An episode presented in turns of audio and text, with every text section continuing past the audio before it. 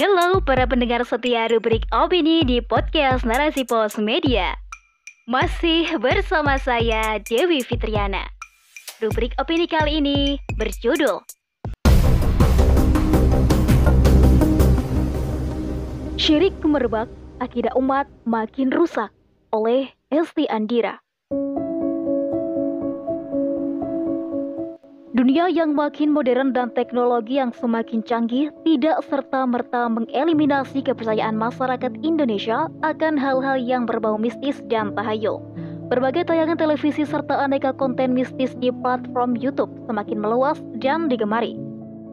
Termasuk juga beberapa film genre horor yang mencapai puncak box office di banyak bioskop. Segala hal dengan embel-embel mistis mudah sekali viral di berbagai media. Demi konten, banyak yang rela bertransformasi menjadi pocong, kuntilanak, dan semacamnya. Orang-orang yang mengaku dirinya indigo dan merasa mampu berkomunikasi dengan arwah penasaran mendadak terkenal. Belum lagi kemunculan berbagai macam paranormal, dukun, peramal, serta pesulap turut menambah berurat akarnya kepercayaan masyarakat pada hal-hal tahayul dan mistis. Hal ini tidak lepas dari kentalnya budaya dan adat istiadat turun-temurun yang kadung melekat pada keseharian masyarakat. Hal inilah yang kemudian mendasari lahirnya sinkretisme di tengah-tengah umat. Sinkretisme adalah suatu proses perpaduan dari beberapa paham atau aliran agama atau kepercayaan. Pada sinkretisme terjadi percampur adukan berbagai unsur aliran atau paham, sehingga didapatlah sebuah bentuk abstrak yang berbeda dengan tujuan untuk mencari keselarasan dan keseimbangan. Kentalnya, budaya nenek moyang dipadukan dengan ritual ibadah dari berbagai agama termasuk Islam, akhirnya melahirkan ritual baru demi mengakomodasi keinginan hati untuk tetap berbudaya tanpa menafikan agama. Tak heran jika masih ditemui masyarakat yang memuliakan Nabi Muhammad Shallallahu Alaihi Wasallam, namun masih mengakui keberadaan Nyi Roro Kidul, sang penguasa Laut Selatan. Banyak Muslim mengadakan upacara malam satu suroh dan grebek maulid, meskipun paham Rasulullah dan para sahabat memperingati Muharram adalah dengan bermuhasabah dan berpuasa sunnah tanpa embel-embel ritual budaya. Allah Subhanahu wa taala jelas sudah mengingatkan manusia tentang memodifikasi perkara halal dengan haram. Ini dalam surat Al-Baqarah ayat 42 yang berbunyi, Janganlah kalian mencampur adukkan antara kebenaran dan kebatilan, dan kalian sembunyikan yang benar padahal kamu mengetahuinya.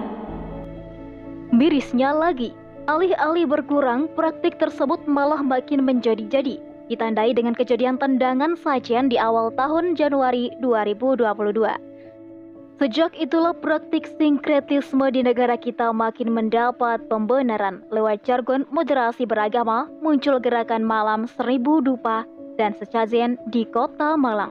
Diikuti acara serupa di beberapa daerah lain, berlanjut ke ritual kendi Nusantara yang digagas Presiden ditambah ritual pawang hujan di sirkuit Mandalika semakin menegaskan bahwa sinkretisme seolah-olah perpaduan antara budaya dan Islam semakin diwajarkan. Terkini, kasus pesulap merah versus Samsudin Dajat membuka mata kita tentang praktik perdukunan. Kasus ini menampilkan fakta baru adanya dukun profesional yang bersertifikat yang kian menampakkan parahnya perbuatan syirik di tengah masyarakat. Tanpa sadar, masyarakat digiring untuk terpukau pada hal-hal supranatural yang pada akhirnya menjurus ke praktik sirik. Akibatnya, akidah umat perlahan tergerus. Perpaduan budaya dan syariat seolah dianggap wajar dan syariat Islam semakin dilecehkan. Mereka yang tidak paham agama kemudian membuat konten pembodohan yang mirisnya malah makin viral di media sosial, seperti nasi padang haram atau sumpit haram.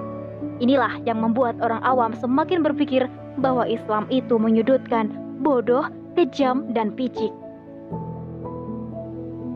Propaganda yang menyudutkan ini sejatinya sudah dimulai sejak dulu di tahun 1870-an. Para penulis di Kediri membuat olok-olok tentang Islam dengan bahasa sarkastis dalam tiga karya sastra, yakni Babat Kediri, Suluk Gatoloco, dan Serat Darmo Gandul. Termasuk Sumpah Sabda Palon yang merambalkan kehancuran Islam di tanah Jawa terhitung 500 tahun setelah keruntuhan Majapahit. Belakangan terindikasi bahwa ramalan tersebut ada hubungannya dengan distorsi sejarah yang digagas oleh imperialis Belanda demi melanggengkan kekuasaannya penjajah kolonial dengan segala upaya berusaha mempertahankan jika perlu semakin membodohkan rakyat demi menghalangi terbentuknya kebangkitan umat. Belajar dari sejarah, sudah sepatutnya negara mengambil tindakan tegas terhadap praktik yang semakin meresahkan ini. Tayangan pembodohan berbau syirik baik di medsos, layar kaca ataupun layar perak sudah seharusnya dihentikan agar tidak semakin berbakti dan merusak akidah umat. Negara seharusnya menindak tegas para pelaku kemusyrikan serta menutup rapat semua celah yang memungkinkan terjadinya praktik sirik serta mengambil peran menjadi penjaga akidah umat. Sejatinya, Islam di Nusantara akan selalu mengalami gangguan, olok-olok, atau pelecehan selama kita tidak melaksanakan syariah Islam secara kafah.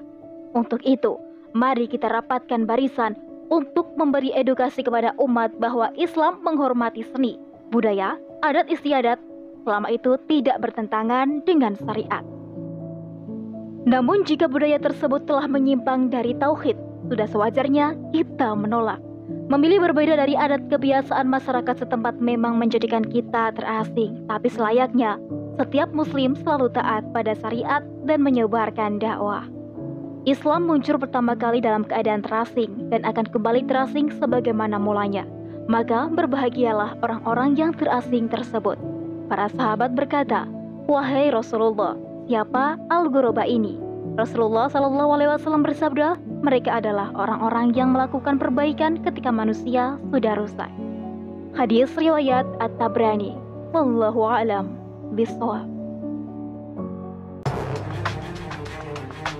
Sekian rubrik opini kali ini. Sampai jumpa di rubrik opini selanjutnya. Saya Dewi Fitriana dan wassalamualaikum warahmatullahi wabarakatuh.